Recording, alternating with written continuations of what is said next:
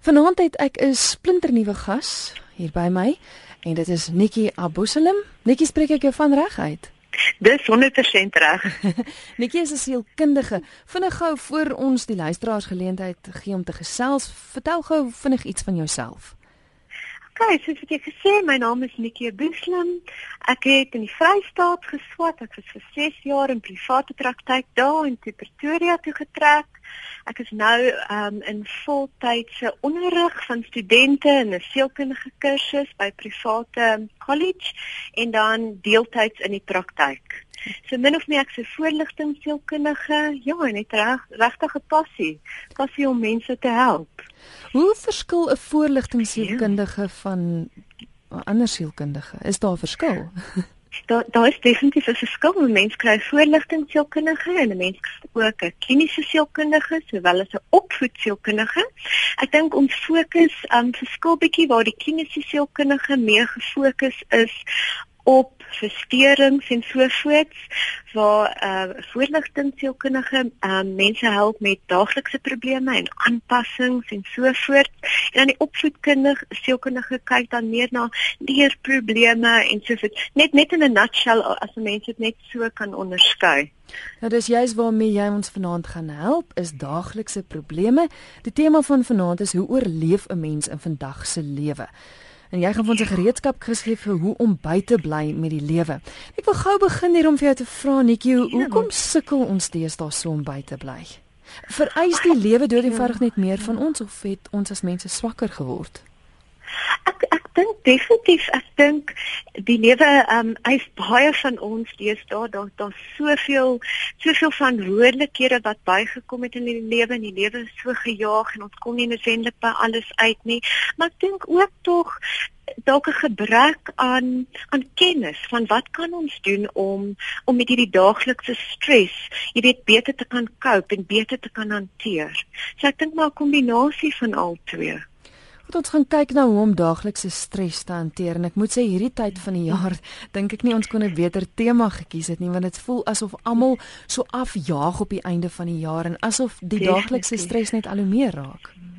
Definitief en ek dink almal almal ervaar stres. Ek ek dink nie enige iemand in vandag se lewe is vry van stres nie. So definitief ek dink almal ervaar stres en en kan net jy weet definitief benefit uit uit um strategieë te kan hê in 'n mens se toolbox om net op 'n daaglikse basis om net beter te beter te kan cope verseker. Want as as 'n mens nie met die basiese stres cope nie en en dit hanteer kan dit definitief meer ernstig geraak. En en 'n mens wil dit probeer vermy dink ek. Hmm. Nou jy gaan vir ons meganismes of riglyne gee van hoe om alledaagse ja. probleme te hanteer en jy het vir my genoem ja. dat daar so sewe dinge is waarop ons gaan fokus. Sewe sewe gereedskapies in ons kus. Kom ons begin by die eerste een. OK, voordat ons by die eerste een begin, wil ek dalk net net verduidelik wat beteken coping. Want ek dink definitief soos wat ek gesê, ons het baie keer 'n gebrek aan kennis en en en ons kort die inligting, so ek net vinnig verduidelik wat is coping. Mm -hmm. Ek dink coping is om te sê, ehm um, dit is om stres beter te beheer in ons daag of daaglikse probleme veroorsaak baie keer 'n stresreaksie binne ons. En stres is nie net 'n gedagte of 'n gevoel nie. En ek dink dit is wat baie mense dink wat ons met wat ons met besef is dat stres veroorsaak 'n chemiese reaksie in die liggaam ook. So ons het definitief verskillende tipe strategieë nodig om teen die stres te beklei. Coping is ook oormeestering van struikelblokke op 'n mens se lewenspad en en beteken ook om uitdagings in die gesig te kyk, iets positiefs te doen om om die, om die verskillende reaksies wat stres veroorsaak te verminder. So definitief ek dink dit is wat in die kern van wat van wat coping beteken. So ons gaan kyk na 'n paar basiese strategieë of meganismes wat mense kan gebruik om algemene stres te hanteer. Daar is natuurlik meer ernstige vorms van stres wat dan dalk meer 'n professionele be be um, behandeling um, gaan dalk nodig hê, maar vanaand gaan ons dan spesifiek fokus op op op die, op die basiese stres mm. en die basiese strategieë wat 'n mens kan doen om om teen dit te beklei. So ek dink die eerste eerste ehm um, tool of die eerste meganisme wat ons kan van gebruik maak, is definitief op meer van 'n sielkundige vlak en dit is om positiewe aksie te neem. Onthou, 'n probleem vat baie baie energie van ons. En baie keer kan ons ons ons motivering negatief beïnvloed. So stres verdwyn nie net van self nie, ongelukkig nie. Hmm. Ons moet aksie neem, iets doen om dit te verminder. So die proses begin definitief met om 'n kognitiewe besluit te maak en te sê ek gaan nie verder toelaat dat die probleem my afdruk nie. Ek gaan opstaan, ek gaan teen dit beklei. Ek gaan coping as deel van my lewensfilosofie maak. Ek gaan dit deel maak van my kerndenkproses. Ek gaan sê ek kies, ek kies om aksie te neem. Kyk, so hoe neem 'n mens nou aksie? Wat is die goed wat 'n mens byvoorbeeld kan doen? Wel, op 'n meer biologiese vlak van ons funksionering, ek dink oefening is baie belangrik. Um baie keer om net in die natuur in te kom, kan ons aandag bietjie van ons probleem wegvat, bietjie van die negatiewe dink weg te vat. Um dat ons net bietjie op iets anders fokus. Hmm. Om net in 'n ander omgewing in te kom of dit nou in in die natuur is of dalk net in die gym, om net in 'n ander omgewing in te kom en en net ons aandag op iets anders uh, te te, te laat fokus. Ek dink wat belangrik is om te onthou is dat oefening effek op ons het, definitief op 'n biologiese vlak. Dit verminder die chemiese reaksie of die negatiewe chemiese reaksie wat stres byvoorbeeld op ons liggaam sit en wat op ons liggaam plaas. Dit skei af veel good chemicals in die liggaam. So definitief ehm um, jy weet ons ons funksionering en ons biologiese funksionering in ons liggaam oefening dink ek is is definitief 'n belangrike stapie in daai proses. Goed, so positiewe aksie. Die tweede een? En en die tweede een was die oefening. Die oefening. Ja. Definitief die oefening, ja, vir vir vir net bietjie van daai die die die stress chemicals in die liggaam bietjie af te breek en net ons fokus bietjie op iets anders te sit. Selfs as dit net vir 'n halfuur op 'n dag is, maar dat ons net ons fokus en ons aandag bietjie op iets meer positief kan sit. Ja, dis baie interessant die chemiese reaksie want ek het nou net ook met iemand gepraat wat gesê het ek dink nie ons besef wat 'n ongelooflike groot invloed stres op 'n mens se lewe het nie nie net op jou lewe nie, maar op jou liggaamlike, jou jou fisiese lyf. Dit veroorsaak soveel dinge. En as mens gaan kyk na die invloed wat dit het op jou bloeddruk, op jou cholesterol, op jou, jou ingewande, dit het eintlik ongelooflike groot invloed baie groot invloed. Hmm. So ek dink definitief as ons kyk na verskillende strategieë om teen stres te beklei, dan kan ons nie net kyk na sielkundige goed net om ons denke te verander, maar definitief kyk op die biologiese vlak wat kan ons doen op 'n sielkundige vlak, op 'n sosiale vlak, op 'n spirituele vlak. Hmm. So as ons nou kyk na byvoorbeeld op 'n sosiale vlak, dan is dit definitief om gebruik te maak van van 'n mense ondersteuningsnetwerk. So 'n menseondersteuningsnetwerk bestaan uit mense met wie jy kan gaan praat, soos familie, vriende, kollegas, dalk mense in 'n mense selgroep, 'n ondersteuningsgroep dalk, 'n sielkundige, 'n beraader, dalk iemand by die kerk, net iemand met wie jy kan gaan praat wat kan luister. Um ek dink wat baie belangrik is is net as ons net daai geleentheid kan kry om om te kan praat oor ons probleem dan dan voel ons al klaar verligting op die emosionele vlak.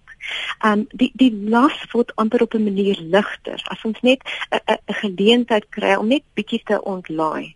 En wat ook belangrik is is om te weet dat mense in 'n ondersteuningsnetwerk baie keer goeie raad vir ons het. En en is dis dalk raad wat ons kan oorweeg of self raad wat ons kan volg ehm um, wat ons dalk 'n ander sieningspunt kan gee oor ons probleemsituasie. Hmm.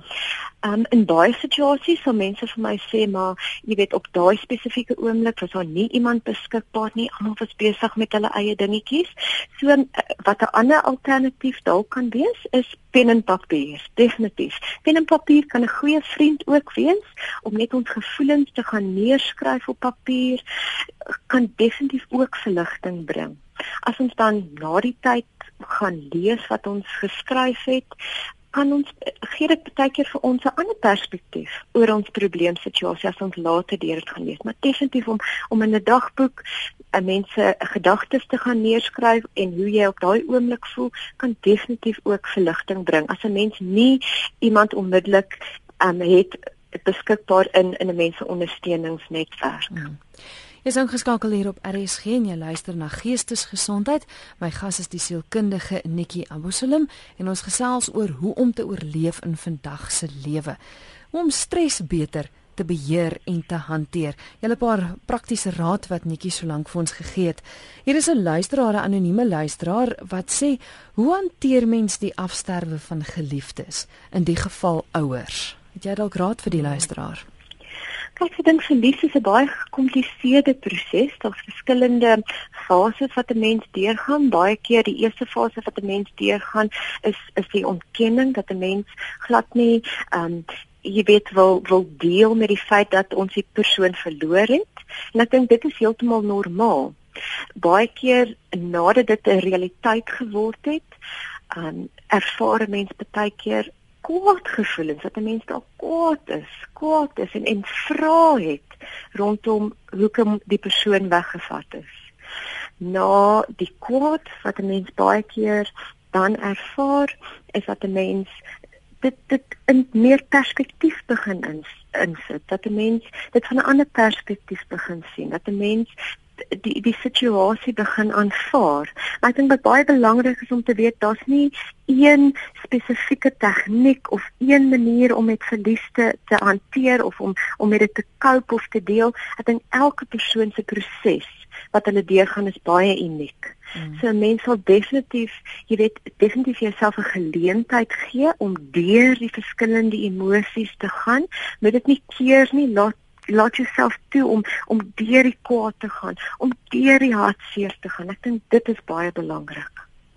Hier is ook 'n luisteraar wat sê mense vandag breek te min weg en ek dink dit sluit aan by wat jy gesê het van net om om 'n ander omgewing te hê, om om net bietjie en en dis nie noodwendig ja. dat jy geld hoef te spandeer om vir 'n naweek weg te gaan nie, al gaan stap jy net in die omgewing. Is dit so eenvoudig soos dit? Definitief botaniese tuine toe daar bietjie gaan stap of so. En net ek dink in die natuur in te kom. Ek dink die natuur het net 'n baie kalmerende effek op 'n mens. En ek dink dit is wat die luisteraar nou nou van praat en en probeer sê. Hier is nog 'n SMS wat deurkom. Dit kom daarop neer dat na vele jare kom my skoonma weer by ons bly. Sy is 'n gesonde 83 jaar.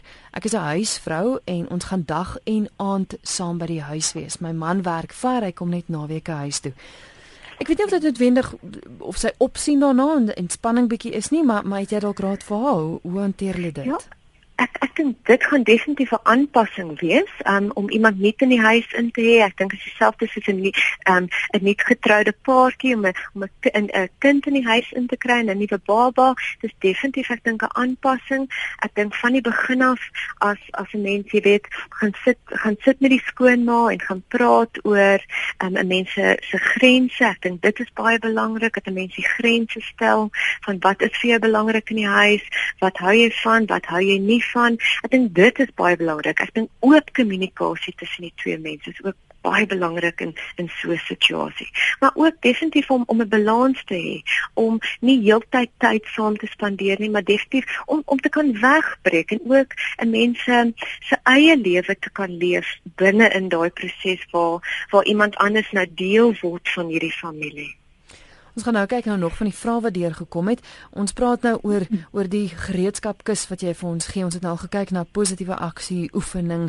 Praat daaroor sit dit op pen en papier. Terloops se luisteraar wat ook hier sê as ek 'n slegte dag gehad het, al wat ek doen is ek vat vir my 'n stuk pen en papier en ek ek skryf dit neer. Dis Elsa wat so sê. Sy werk sy sê dit werk nogals baie goed. Nog enige ander? Ek is nou nie seker of ons al by al 7 uitgekom het nie. nee, nog nie. Um, ek dink verder om om 'n stoppertjie te vind baie belangrik, iets wat jy geniet, iets wat jou gedagtes kan besig hou met met iets wat jou vreugde kan bring. Jy weet ons as mense ons eerste natuurlike gedagtes in lewe is baie keer negatiewe gedagtes. Dit is maar net 'n natuurlike proses mm. van van die mensdom. En ek dink ons moet definitief, jy weet, ehm um, tyd maak, tyd maak vir iets wat vir ons lekker is. Uh, weer eens 'n lekker stokperd of dit nou oefening is of of 'n kunsaktiwiteit of dalk musiek, enige iets wat 'n mens net bietjie vreugde kan gee, net 'n mens se aandag kan bietjie wegvat van die negatiewe gedagtes wat wat rarig, jy weet 'n mens se hele lewe kan omhels en 'n mens se hele lewe onderste bo kan gooi as ons net heeltyd bly fokus op die negatiewe. So definitief 'n stoppertjie, iets wat jy kan kry wat jy kan geniet, wat jy op 'n weeklikse basis kan doen. Dit is belangrik.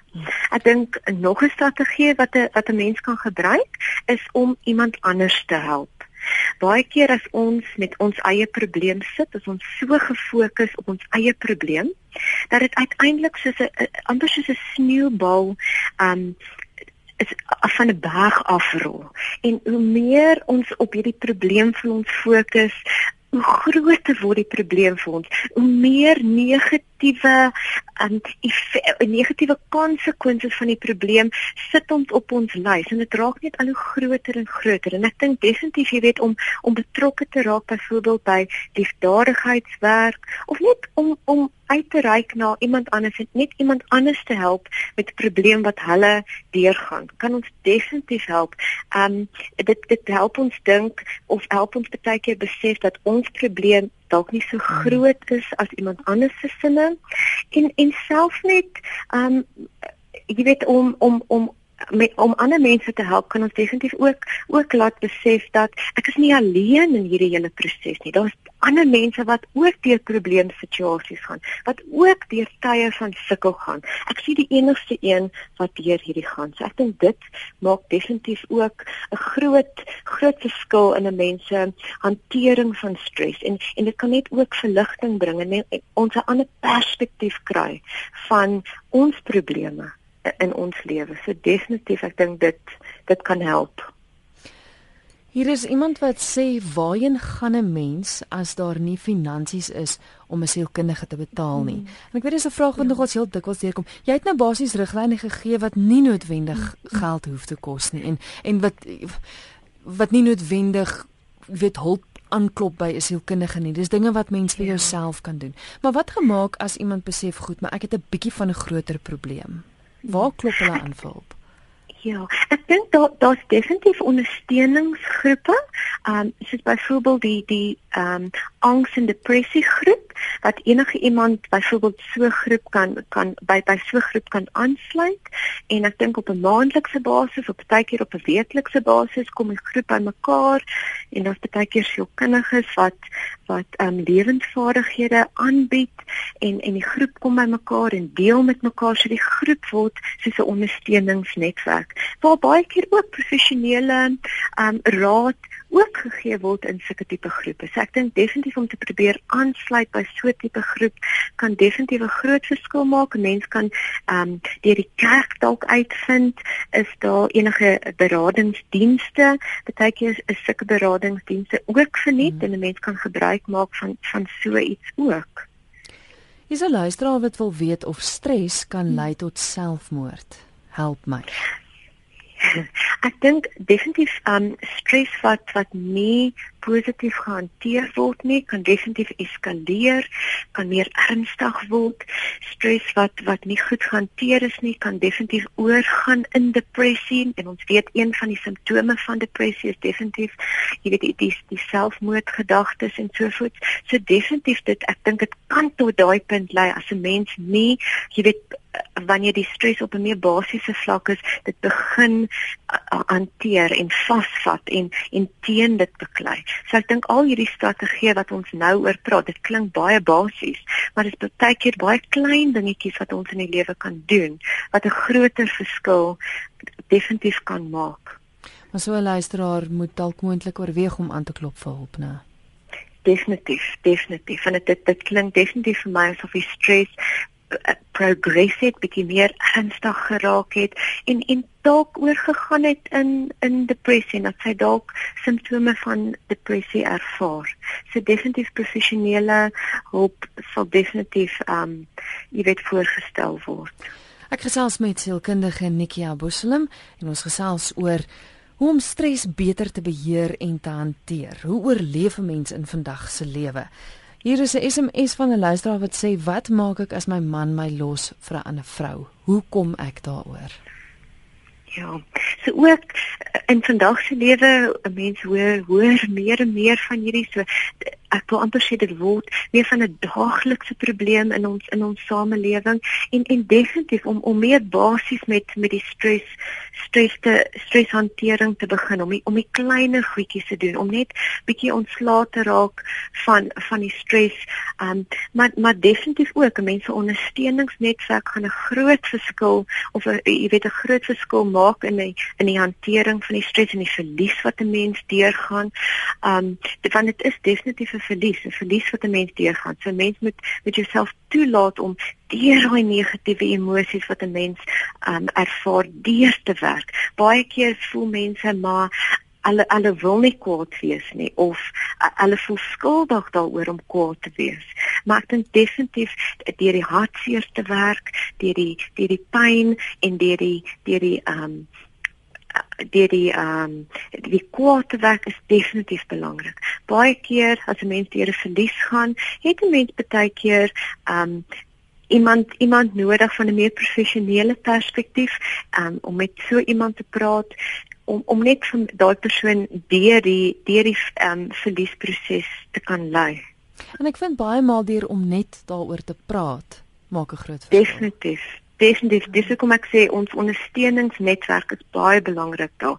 Dat ons net as wanneer as ons met iemand praat kry ons net 'n ander perspektief van die situasie en jy sal nou nou sien een van die ander ander um coping meganismes wat ek oor praat is meer op 'n spirituele vlak en dit kan dalk self self 'n verskil maak maar ons sal nog by by daai tegniek of daai strategie uitkom. Kom ons kyk gou na die laaste paar OK. Ek dink verder om 'n goeie nagrus in te kry is baie belangrik. Weereens, um ons biologiese vlak van funksionering, in ander woorde ons liggaam, affekteer definitief ons sielkundige affekteer um funksionering. So um, om nie te slaap nie op 'n biologiese vlak weet ons ons immuunstelsel kry nie 'n kans om sterker te word nie, kry nie die kans om op te op op te bou, so um, ons word vinnig siek. Um so definitief om nie 'n goeie nagrus in te kry. Dit is iets op 'n biologiese vlak, maar dit affekteer ons op 'n sielkundige vlak. Ons weet dit affekteer ons gedagtes ons sukkel om te konsentreer.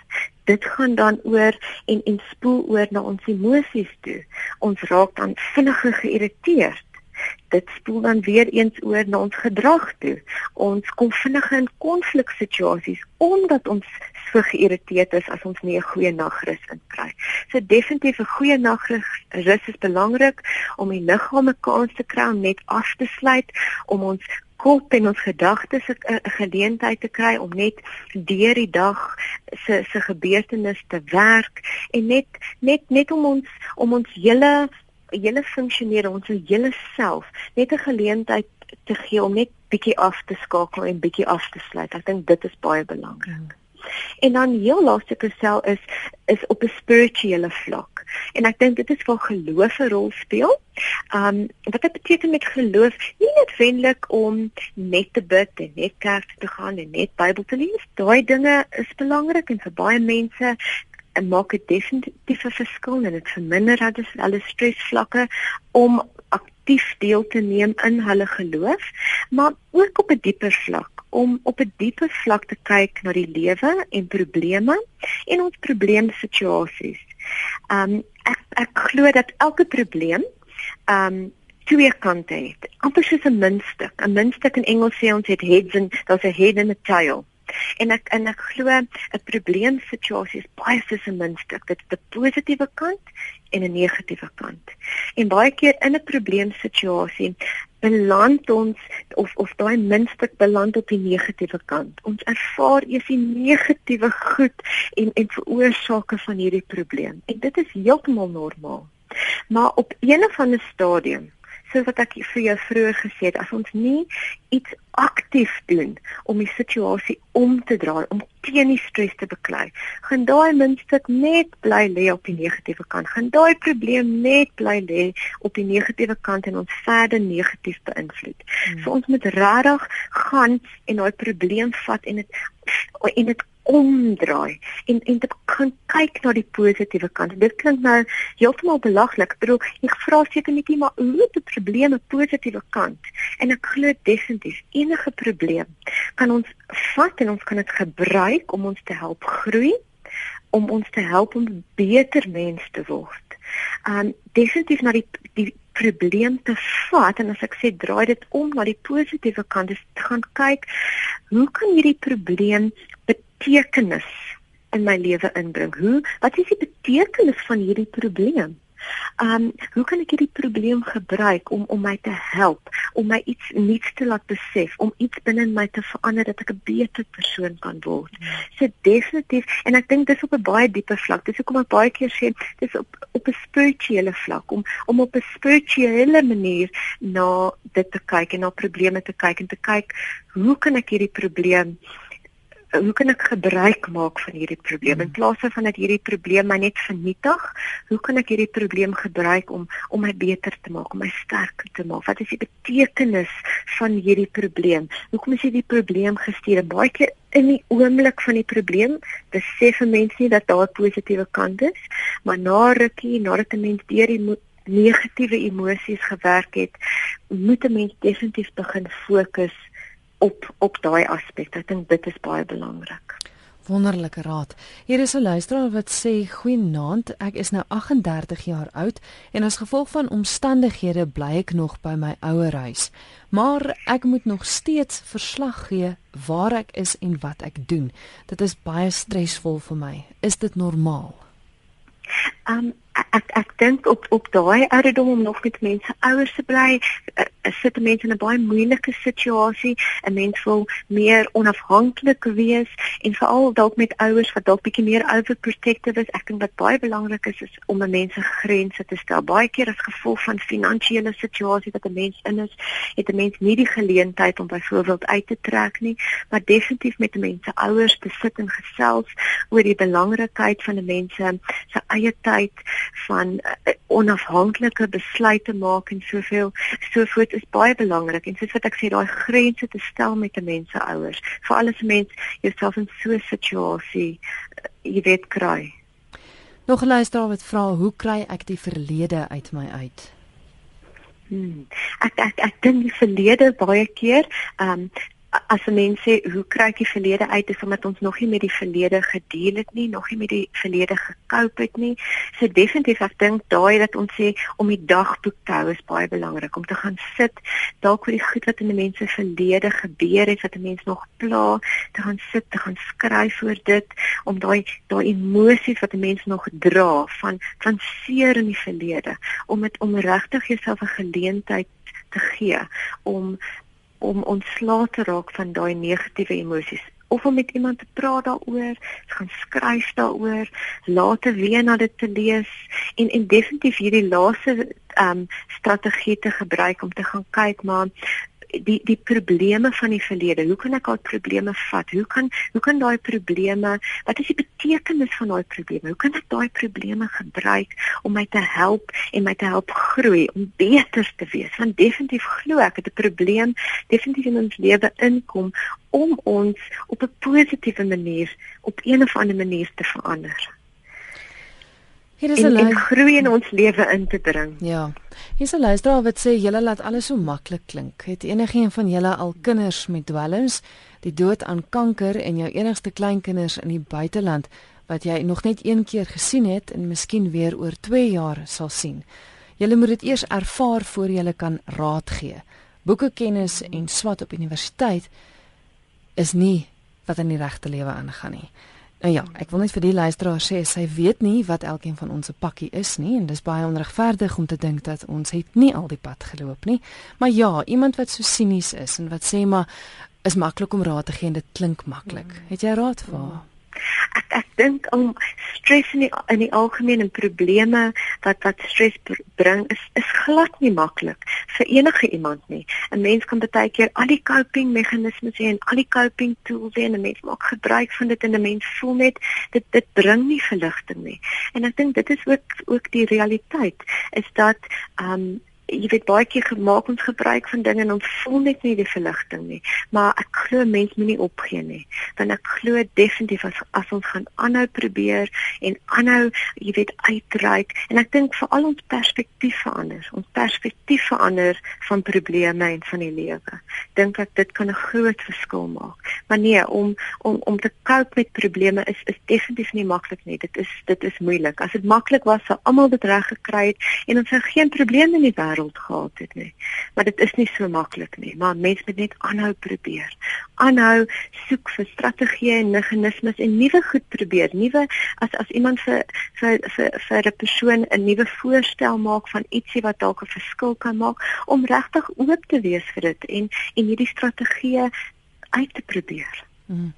Luisteraar sê my vrou ly aan geweldige stres en skreeu op my en die kinders. Alles irriteer haar en sy veroorsaak dat die kinders gedragsprobleme ondervind.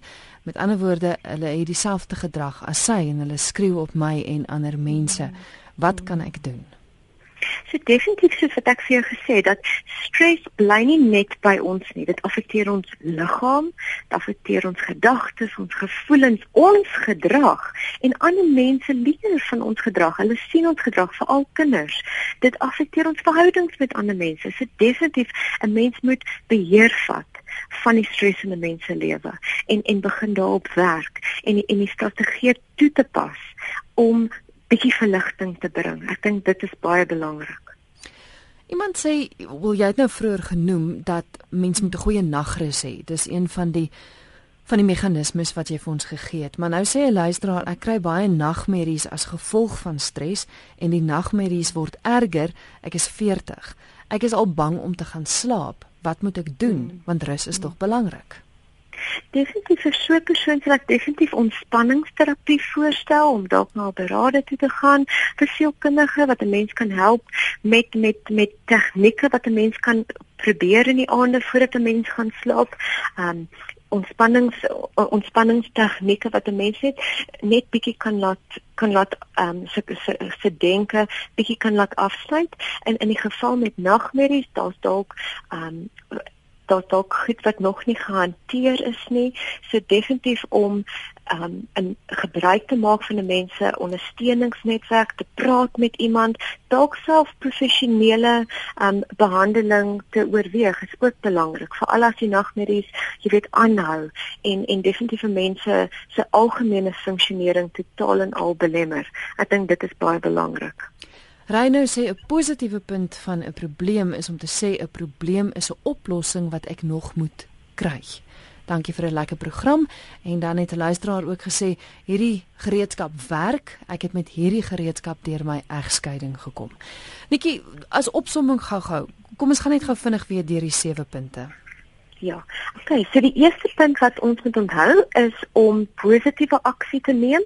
So in ander woorde om daai kognitiewe besluit te vat en te maak en te sê ek gaan iets doen. Ek hmm. gaan alles in my vermoë doen om ietsie te kry om te probeer om die stres te verminder. Goed. Tweedens het ons gepraat oor oefening, definitief om om te oefen in die natuur in te kom. Um jy weet in 'n ander omgewing in te kom, veral met oefening en en um want dit het definitief 'n groot um hoe kan ek sê 'n groot effek op ons liggaamlike funksionering waar stres baie keer gaan lê dan op 'n meer sosiale vlak gebruik te maak van 'n mense ondersteuningsnetwerk. Dan het ons gekyk om um, as 'n mense ondersteuningsnetwerk of mense in die ondersteuningsnetwerk nie altyd beskikbaar is nie om te gaan skryf pen en papier te gaan skryf in 'n dagboek oor 'n mens se gevoelens en wat en wat daaraan gaan om 'n stokperdjie te vind wat vreugde bring om iemand anders te help um dit kan ons deur liefdadigheidswerk of dalk 'n vriend te help of so iets om ons net 'n ander perspektief dalk te te gee oor ons probleem. Mm -hmm. Goeie nagrus in te kry, dit is ook belangrik en dan heel laaste 'n mens se geloof in die, in die rol wat geloof in ons lewe speel, um, kan ons definitief help om ons nuwe perspektief, 'n meer positiewe perspektief te gee, maar dan ook op daai spirituele vlak om ons probleme te gebruik as as 'n geleentheid vir groei. en en en en en en, en die betekenis in probleme te probeer kry, die positiewe betekenis. Dis wonderlik. Dankie vir die gesels. Indien luisteraars met jou in verbinding sou wou tree, eh, het jy kontakbesonderhede Nikki? Ja, hulle kan my kontak um, op my werkselfoonnommer. Dit is 083 565 5083.